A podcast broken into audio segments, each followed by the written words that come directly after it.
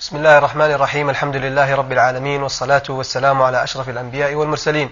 سيدنا ونبينا محمد عليه وعلى آله وصحبه أفضل الصلاة وأتم التسليم. مشاهدي الكرام السلام عليكم ورحمة الله وبركاته. أهلا ومرحبا بكم في حلقة جديدة من برنامجكم فقه المناسك. ضيفنا في هذا اللقاء هو معالي الشيخ الدكتور سعد بن ناصر الشثري عضو هيئة كبار العلماء وعضو اللجنة الدائمة للبحوث العلمية والإفتاء وعضو هيئة التدريس بكلية الشريعة بجامعة الإمام محمد بن سعود الإسلامية. يسرني في مطلع هذه الحلقة أن أرحب باسمكم جميعا بضيفنا الكريم. فحياكم الله يا شيخ سعد. الله يسلمكم ووفقكم والخير وينفع بكم. ومن يقول إن شاء الله.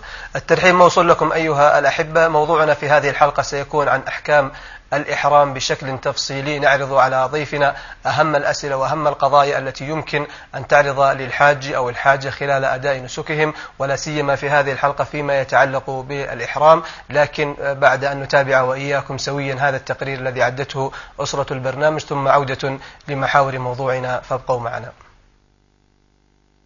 الإحرام هو أن تنوي وتحرم اللباس اللي هو غير المخيط. وأعتقد ذلك.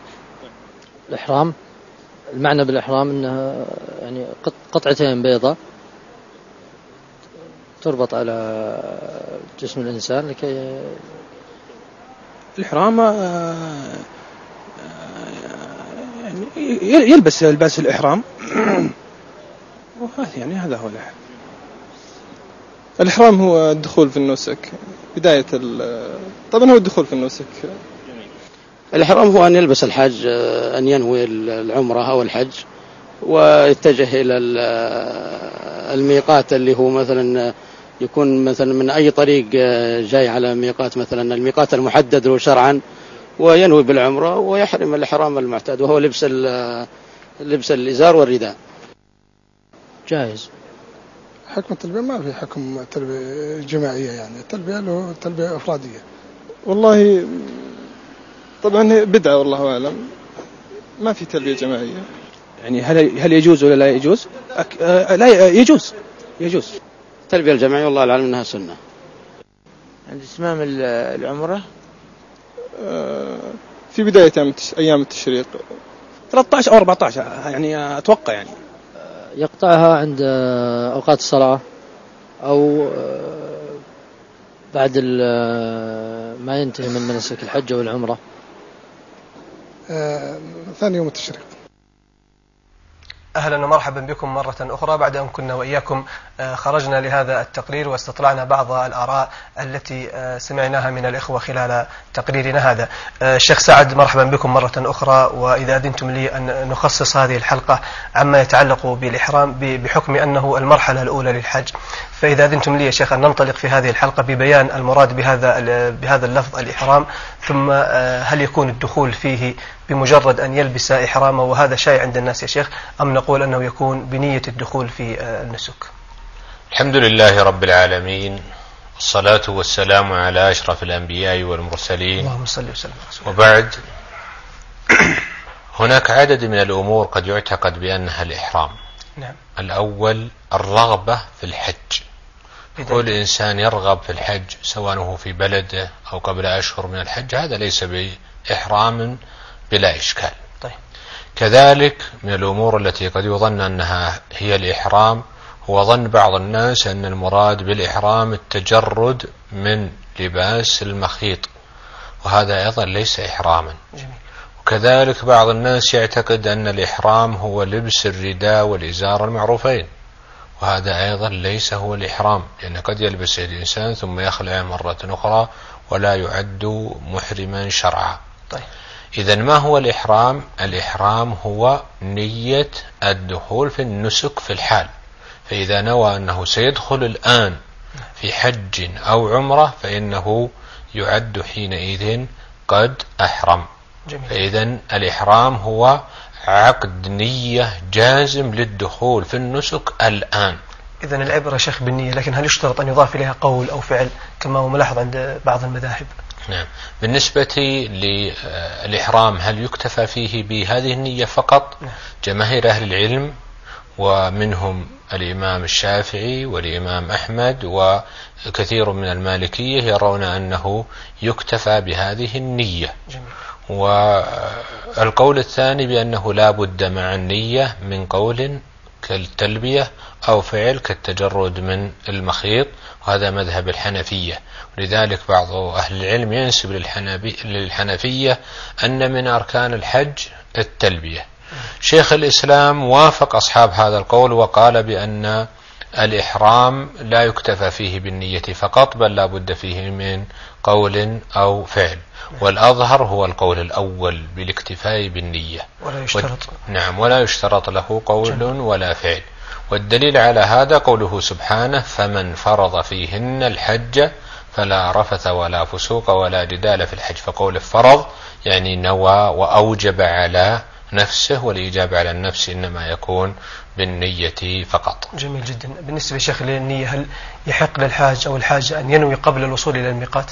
نعم. أم نقول تكون في الميقات فقط؟ نعم. الأصل أن الإحرام يكون في المواقيت. نعم. وهذا هو المشروع وهو فعل النبي صلى الله عليه وسلم. اللهم صل وسلم. ولذلك يكره عند جميع أهل العلم أن يحرم قبل الميقات. إلا أن الإمام أبا حنيفة قال بأنه يستحب له أن يحرم من بلده. وبعض الفقهاء قال بأنه يستحب أن يحرم من بيت المقدس إذا كان متمكنا من الإحرام منه. لكن الأظهر والفعل النبوي ودلالة الأدلة الشرعية أن الميقات يكون من المواقيت المعهودة. لذلك ورد في حديث ابن عمر في الصحيح أن النبي صلى الله عليه وسلم وقت ذا الحليفة لأهل المدينة والجحفة لكذا فالمقصود أنه لما وقت هذه المواقيت دل على أن المشروع هو الإتيان بالإحرام من هذه المواقيت.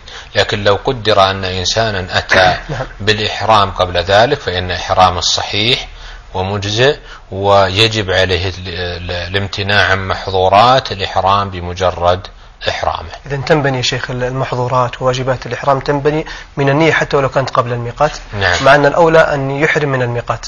نعم. جميل جدا. شيخ لعل من المناسب هنا أن نبين المواقيت المكانية للحجاج على اختلاف بلدانهم وأقطارهم. نعم. المواقيت وقتها النبي صلى الله عليه وسلم وهي آه، خمسة مواقيت للآفاقيين. الأول ميقات ذو الحليفة وهو بجوار المدينة. يبعد عن المدينة قرابة عشر كيلو وهذا الميقات آه، يكون لأهل المدينة. نعم. والثاني قرية الجحفة وهي على الساحل وهي شمال مدينة جدة وتكون لأهل الشام ولأهل مصر ولأهل المغرب. والميقات الثالث ميقات يلملم والآن يسمى بالسعدية أو نحوه. نعم. وهذا يكون لأهل اليمن. والميقات الثالث قرن المنازل وهو الآن يسمى بالسيل الكبير أو وادي محرم يكون لأهل نجد. نعم. وهناك ميقات آخر وهو ميقات ذات عرق. وهذا الميقات الآن لا تمر عليه طرق السيارات وبالتالي فهو مجهول عند كثير من الناس ويكون لأهل العراق. هذه المواقيت اعتنت بها الدولة وبنت في آه، كل ميقات منها مسجدا كبيرا مجهزا بالتجهيزات آه، المعتبرة وبالتالي فهو معلوم من خلال الإشارات ومن خلال العلامات التي وضعت لكل واحد منها. بالنسبة يا شيخ أنتم ذكرتم في أثناء الكلام أن بعض المواقيت قد يمر الحاج من غير المرور على هذا الميقات فما الحكم بالنسبة لهذا الحاج شيخ؟ هناك يعني بعض الحجاج لا يمر في في بالميقات نعم. مثل ركاب السفن ومثل ركاب الطائرات نعم. فهؤلاء الواجب إذا حاذوا الميقات أن يحرموا من الميقات الذي يحاذونه فإذا مثلا جاء إنسان من قبل المشرق فحاذ ميقات قرن المنازل أو ذات عرق أحرم منه ودليل هذا ما ورد في الحديث أن أناسا جاءوا إلى عمر بن الخطاب وسألوه عن وسألوه أن يحدد لهم ميقاتا لكونهم لا يوجد ميقات في طريقهم. فقالوا إن الميقات حذو عن طريقنا. فقال فأمرهم عمر بن الخطاب أن يختاروا ميقاتا يحاذي ميقاتهم فيحرموا منه فاختار لهم الميقات المناسب وهو ذات عرق. وكان موافقا لما ورد عن النبي صلى الله عليه وسلم لأن عمر خفي عليه أن ذات عرق ميقات. لكنه قد وافق ما ورد عن النبي صلى الله عليه وسلم. بعض أهل العلم قد تكلم في زيادة وذات عرق لأهل العراق. وهذه الزيادة وردت في حديث عائشة بإسناد صحيح ورواتها ثقات أئمة. وحينئذ لا يمتنع أن يروي الراوي الثقة زيادة لا توجد في رواية غيره. صحيح. ثم إنها قد وردت من حديث جماعة من الصحابة مثل جابر وغيره وحينئذ فهي زيادة ثابتة لا مجال للطعن فيها. جميل شيخ سعد.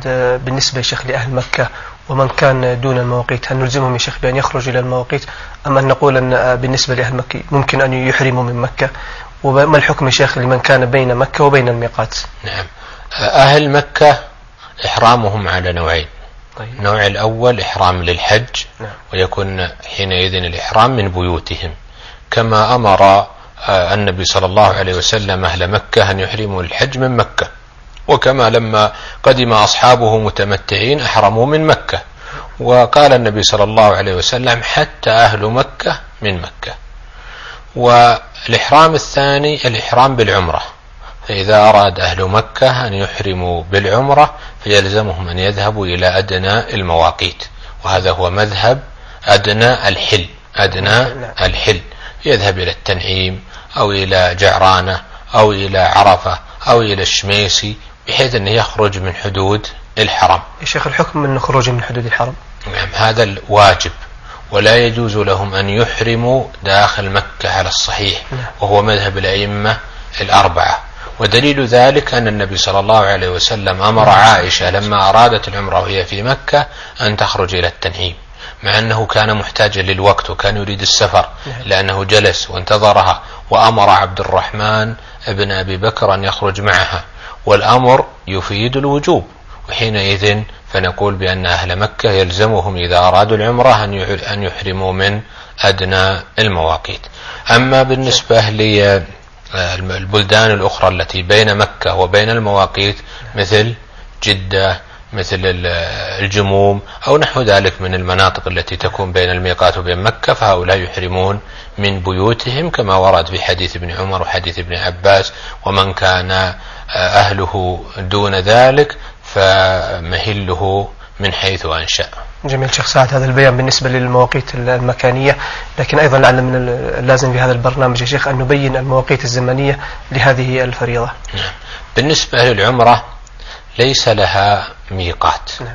وتكون في جميع أيام السنة على الصحيح من أقوال أهل العلم. حتى في أيام التشريك وفي يوم عرفة وفي يوم النحر يجوز أن يعتمر فيه الإنسان. هناك خلاف قليل بين الفقهاء لكن الصواب أن العمرة جائزة في كل وقت. ودليل هذا قول النبي صلى الله عليه وسلم العمرة إلى العمرة كفارة لما بينهما. هنا مسألة هل تتكرر العمرة؟ الأئمة يقولون يجوز أن تتكرر في العمرة لكن بشرط أن يجعل بينها وبين بين كل عمرة وأخرى وقتا. لأن النبي صلى الله عليه وسلم يقول العمرة إلى العمرة كفارة لما بينهما. فهذا يشعر أن هناك وقت بين العمرة والعمرة. وحينئذ من أتى إلى الحج ويأتى إلى مكة فلا يستحب له أن يخرج يوميا إلى آه، أدنى الحل ويأتي بعمرة. الإمام مالك يقول السنة لا تؤدى فيها إلا عمرة واحدة. الجمهور يرون أنه قد يجوز أن يؤدي بعد ثلاثة أشهر أربعة أشهر لكن عند مالك يقول لا السنة الواحدة لا تؤدى فيها إلا عمرة واحدة لأن النبي صلى الله عليه وسلم لم يعرف عنه أنه اعتمر في سنة مرتين. لكن الأظهر أن النصوص الواردة في العمرة نصوص مطلقة وأن عدم فعل النبي صلى الله عليه وسلم لا يدل على المنع من آه، ذلك. آه، هذا بالنسبة للعمرة الشيخ ما رأيكم في من يربطها بالسفر؟ يقول في السفر. قبل هذا بالنسبة للمواقيت الزمانية للحج. نعم. المواقيت الزمانية للحج هي شهر ذي الحجة وشهر ذي القعدة وشهر شوال. نعم. آه، ماذا نستفيد من كون هذه مواقيت زمانية نستفيد منها أمور. الأمر الأول أنه لا يستحب أن يكون الإحرام قبل هذا الإحرام للحج قبل هذه قبل هذه الأيام. نعم. لكن هل يصح إحرامه بالحج قبلها؟ قبلها؟ مثلا لو أحرم بالحج في رمضان أو في شعبان. عند الجمهور يقولون حينئذ يجوز له أن يستمر في إحرامه إلى أن يأتي الحج مع كراهة ذلك. نعم. وقال الإمام الشافعي لا لا يصح إحرامه بالحج ويلزمه أن يكمل أن يأتي بعمرة حتى يتحلل من إحرامه. من إحرامه جميل آه، أما بالنسبة الفائدة الثانية أيضا آه، أنه إذا اعتمر في أشهر الحج ثم حج في نفس السنة ولم يرجع إلى بلده بين عمرته وحجه فإنه يكون متمتعا جميل. أما لو اعتمر في رمضان وحج في نفس السنة ولم يرجع إلى أهل بينهما فإنه لا يعد متمتعا. لأن التمتع هو الإتيان بعمرة وحجة في سنة واحدة لا يقطع ما بينهما بسفر إلى آه، بلده. نعم. الفائدة الثالثة عند بعض أهل العلم يقول بأن يستفيد بأن طواف الإفاضة لابد أن يكون في شهر ذي الحجة ولعلنا إن شاء الله نترك الكلام فيه للحديث في الحلقة الآتية. المختصة بالطواف. جميل جدا. الشيخ سعد البعض قد يتجاوز الميقات المكاني بدون إحرام والبعض البعض قد يتحايل هذه الأيام من أجل الترخيص وما الترخيص. فما الحكم بالنسبة لمن تجاوزه بدون بدون إحرام أو حتى وصل إلى مكة من غير أن يحرم؟ آه، الإحرام من الميقات واجب من واجبات الحج. وكون الإنسان يأتي للحج ثم يربط برقبته ذنوب وآثام بعدم إحرامه بعدم فعله للواجب هذا ليس من العقل في شيء فأنت آت إلى جلب حسنات وليس إلى جلب سيئات إلى ذمتك. ومن ثم فينبغي بالإنسان أن يحرص على أخذ هذا التصريح المعهود لي ليسلم من هذا الإثم المرتب على ذلك. كيف وهو يخالف ولي الأمر والنصوص قد جاءت بالأمر بطاعته. إذا تقرر هذا فإن من تجاوز الميقات بدون إحرام كان يكون ناسيا أو جاهلا أو, أو نحو ذلك فلا يخلو حاله. إما أن يرجع فيأتي بإحرام من الميقات وحينئذ لا حرج عليه وحجه صحيح ومجزئ على الصحيح من أقوال أهل العلم خلافا لبعض الشافعية لأنه أتى بالإحرام من الميقات. الحالة الثانية أن يحرم في مكانه. سواء عاد بعد ذلك للميقات أو لم يعد. فحينئذ نقول بأنه قد ترك واجبا من واجبات الحج ويلزمه دم لكونه آه، قد ترك واجبا من الواجبات. بعض الناس قد يحرم وينوي الإحرام ثم يبقى على ثيابه المخيطة حتى يتمكن من تجاوز مركز التفتيش.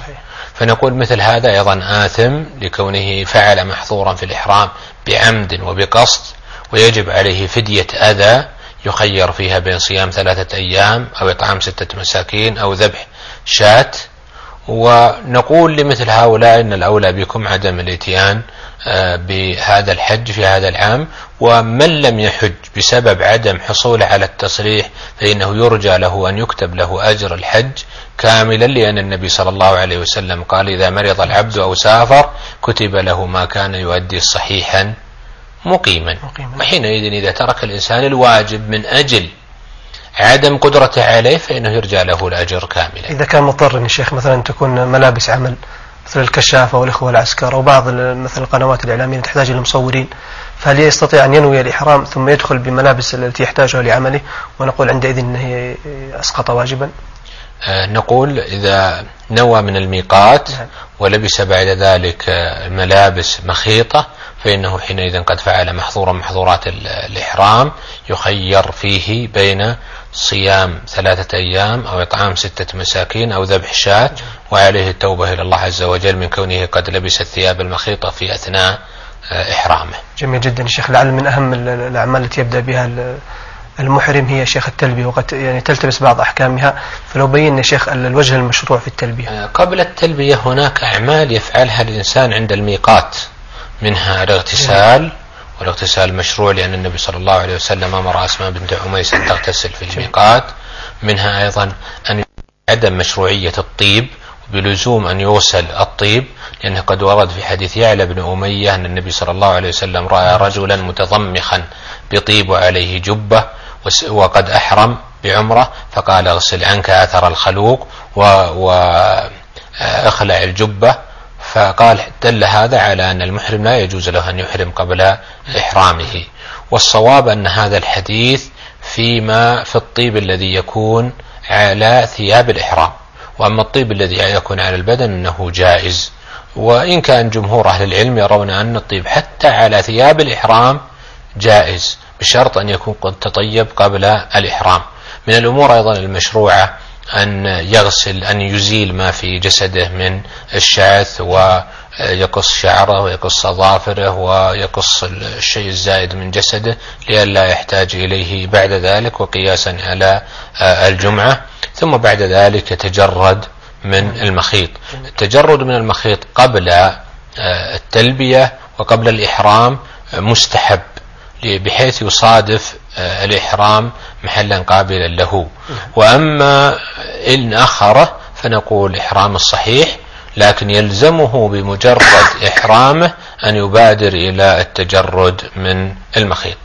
أيضا هناك مسألة وهي أن الإحرام ينبغي أن يكون بعد صلاة مكتوبة. النبي صلى الله عليه وسلم أحرم بعد صلاة العصر لحجه. لكن هل هناك صلاة مستقلة للإحرام؟ آه، كثير من أهل العلم. الناس كثير يا شيخ. نعم كثير من أهل العلم يرون أنه يشرع له صلاة مستقلة ويستدلون على ذلك بما ورد في الحديث. قال إني رأيت في المنام أنه أتاني آت من ربي فقال صل في هذا الوادي المبارك وقل عمرة في حجة. فدل هذا على أنه يشرع له صلاة مستقلة. لكن لو وجدت صلاة أخرى مثل الصلاة الفريضة أو مثل تحية المسجد نعم. أو مثل سنة من السنن فإنها تجزئ وحينئذ يخرج من الخلاف بيقين. لو صادفت وقت نهي يا شيخ؟ حتى لو صادفت وقت نهي لأن ذوات الأسباب تفعل في أوقات النهي على الصحيح من أقوال أهل العلم خلافا للشافعية والحنابلة في هذه المسألة. أحسن الله إليكم شيخ على هذا الاستدراك لعلي أنتقل أيضا إلى أحكام التلبية. نعم. التلبية, فيها. التلبية آه تكون بأي لفظ آه يكون يشعر بالتلبية. لبيك اللهم لبيك اللهم عمرة لبيك اللهم لبيك ونحو ذلك من الألفاظ. آه والنبي صلى الله عليه وسلم آه قال لبيك اللهم عمره لبيك اللهم عمرة في حجة. وحينئذ فأي لفظ مشعر بأصل التلبية فإنه مجزئ لكن ليس هناك تلفظ بالنية. وبالتالي بعض الناس يقول اللهم إني نويت أن أفعل كذا أنا حج بعمرة. فنقول هذا غير مشروع لأن التلفظ بالنية والتلفظ بالنية على الصحيح من أقوال أهل العلم أنه ليس بمشروع. لكن يقول لبيك اللهم عمرة لبيك اللهم حجة لبيك اللهم عمرة متمتعا بها إلى الحج ونحو ذلك. أما التلبية مكان التلبية ورد أن النبي صلى الله عليه وسلم لبى بعد صلاته ولبى بعد أن ركب راحلته. ولبى بعد أن صعد البيداء وهو الجبل الذي يكون في أعلى الميقات نعم. آه، فحينئذ يشرع له أن يلبي في المواطن الثلاثة وليس بينها تعارض لأن النبي صلى الله عليه وسلم قد لبى في هذه المواطن الثلاثة آه، جميعا نعم. آه، بعد ذلك إذا تغيرت أحوال الحاج في ركوب أو نزول أو التفات أو صعود جبل أو نزول فإن حينئذ يشرع له أن يكرر يعني ما يستمر التلبية. في التلبية شيخ. نعم لا ما يستمر لأنه محتاج إلى قضاء حوائجه الأخرى. طيب يا شيخ البعض قد يجعلها تلبية جماعية سواء إذا كان في مركبة أو حافلة. نعم نقول التلبية الجماعية غير مشروعة لأن النبي صلى الله عليه وسلم لم يفعلها وخير الهدي هدي النبي صلى الله عليه وسلم. نعم. لكن كل إنسان يلبي وحده. إذا حصلت التلبية من كل إنسان وحده تكون من الرجال بصوت مرتفع لأنه قد ورد في الحديث أن أفضل الحج العج والثج. العج رفع الصوت بالتلبية والثج ذبح آه، الأضاحي آه، والهدي. فحينئذ يرفع الرجل صوته والمرأة تخفض الصوت لكن كل رجل يكون وحده. ما يلبون بوقت واحد. نعم. والأفضل الاستمرار على تلبية النبي صلى الله عليه وسلم. نعم. لبيك اللهم لبيك لبيك لا شريك لك لبيك إن الحمد والنعمة لك والملك لا شريك لك. آه، شيخ في في حالة الإحرام قد ترد بعض الإشكالات عند الناس ويتساءلون فيها كثيرا آه، إما أن ينسى شيخ أن يحدد النسك. يعني مثلا يصلي ركعتين طواف ثم ينطلق مباشرة أو أن أيضا ينسى أمر وهو هام جدا وهو مسألة الاشتراط يا شيخ. يعني كثيرا ما يحرم بنسكه ثم ينسى أن يشترط إن حبسه حابس من مرض أو غيره. نعم. أما بالنسبة لتعيين نوع النسك هو ليس بمشترط نعم. على الصحيح من أقوال أهل العلم وإنما هو مستحب وليس مشترطا.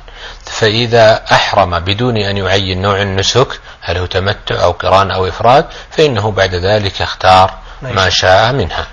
أما بالنسبة للاشتراط فقد وقع الخلاف بين أهل العلم في أصل الاشتراط. فبعضهم يقول لا يشرع إلا لذوي الحاجات لأن النبي صلى الله عليه وسلم إنما أخبر بذلك آه، بنت ضباعة بنت الزبير لأنها كانت شاكية. وذهب بعض أهل العلم إلى أنه يجوز أن يكون الاطباع لكل أن يكون الاشتراط لكل حاج. وحينئذ قالوا بأن الحديث الوارد في ذلك قال فيه فإن لك ما اشترطت على ربك. وهذا يشمل الجميع جميع الأفراد الناس لأن الحكم يعمم بعموم علته ولعل هذا القول هو أظهر الأقوال. أحسن الله إليكم الشيخ سعد واعتذروا لي في سماع بعض الاتصالات ثم نعود إليكم لسماع الإجابة منكم. جزاكم الله خيرا. آه، السلام عليكم يا شيخ. آه، سؤال بس آه، بعد حضرتك من متى يقطع المحرم التلبية؟ يا شيخ عندي سؤال. إذا مات المحرم فهل فهل يخل فهل يحل إحرامه؟ الله يعطيكم العافية يا شيخ. السؤال يحصل الله عليك متى وقت التحلل من الإحرام؟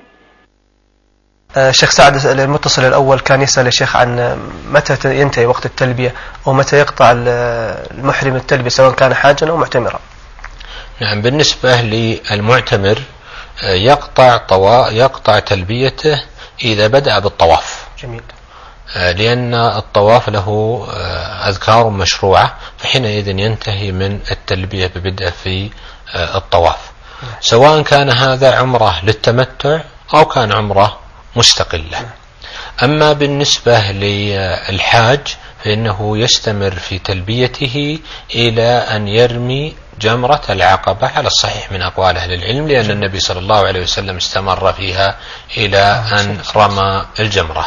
فلما رمى الجمرة بدأ بالتكبير وتوقف عن التلبية. هنا مسألة خلافية بين أهل العلم في الحاج المفرد والحاج القارن. إذا قدموا للبيت قبل يوم عرفة فطافوا طواف القدوم. هل يستحب لهم أن يلبوا في طواف القدوم أو لا يستحب؟ فذهب الإمام الشافعي إلى استحبابه وذهب الجمهور إلى عدم آه، الاستحباب. قالوا لعدم نقله عن النبي صلى الله عليه وسلم ولعل القول بعدم استحباب التلبية في طواف القدوم أقوى وأولى. أحسن الله إليكم شيخ سعد. المتصل الآخر يقول الشيخ المحرم إذا مات خلال إحرامه قبل أن يكمل نسكه فماذا يجب عليه؟ نعم المحرم بعد موته يبقى على إحرامه وبالتالي يجنب محظورات الإحرام لأن رجلا وقصته ناقة في عرفة فأمر النبي صلى الله عليه وسلم بتغسيله بالسدر والماء وأمر بأن يكفن في ثوبيه وأن يجنب الطيب وألا يغطى رأسه. فدل ذلك على فقال فإنه يبعث يوم القيامة ملبيا. فدل ذلك على أنه يبقى على إحرامه وأن الإحرام لا ينقطع بموت المحرم. أحسن الله إليكم المتصل الأخير يا شيخ. كان يسأل عن وقت التحلل من الإحرام متى يكون؟ نعم. التحلل من الإحرام إما أن يكون هذا الإحرام لعمرة سواء للمتمتع أو العمرة المستقلة فهذا تكون بالطواف ثم السعي ثم التقصير. فإذا قصر جاز له أن يتحلل من إحرامه. وأما بالنسبة للحاج فله تحللان. التحلل الأول يحصل برمي الجمرات والحلق أو التقصير فحينئذ يحل له أن يتحلل من جميع محظورات الإحرام إلا ما يتعلق بالنساء وطئا أو مباشرة أو مقدمات الوطء ولا يتحلل بعد ذلك التحلل الأكبر إلا إذا طاف بالبيت طواف الإفاضة. فإذا فعل هذه الأمور الثلاثة الرمي والحلق والتقصير وطواف الإفاضة فإنه يعد قد تحلل تحللا كاملا. أحسن الله إليكم شيخ سعد لعلي أختم بهذه الإجابة الموفقة. فجزاكم الله خيرا وباسم جميع المشاهدين أشكركم على حضوركم فشكرا لكم شيخ سعد. أسأل الله عز وجل أن يتقبل من الجميع حجهم وأن ييسر لهم أمورهم وأن يوفق جميع المسلمين للعلم النافع والعمل الصالح. صلى الله على نبينا محمد. صل وسلم على محمد آه، مشاهدي الكرام أشكركم أيضا على طيب متابعتكم. وعلى أن خصيتمونا بمتابعة هذه الحلقة التي كانت عن أحكام الإحرام. حلقتنا القادمة بإذن الله تعالى ستكون عن محظورات الإحرام. حاولنا أن تكون في نهاية هذه الحلقة لكنها تحتاج إلى مزيد إيضاح وتفصيل. فستكون الحلقة القادمة بإذن الله عز وجل. آه،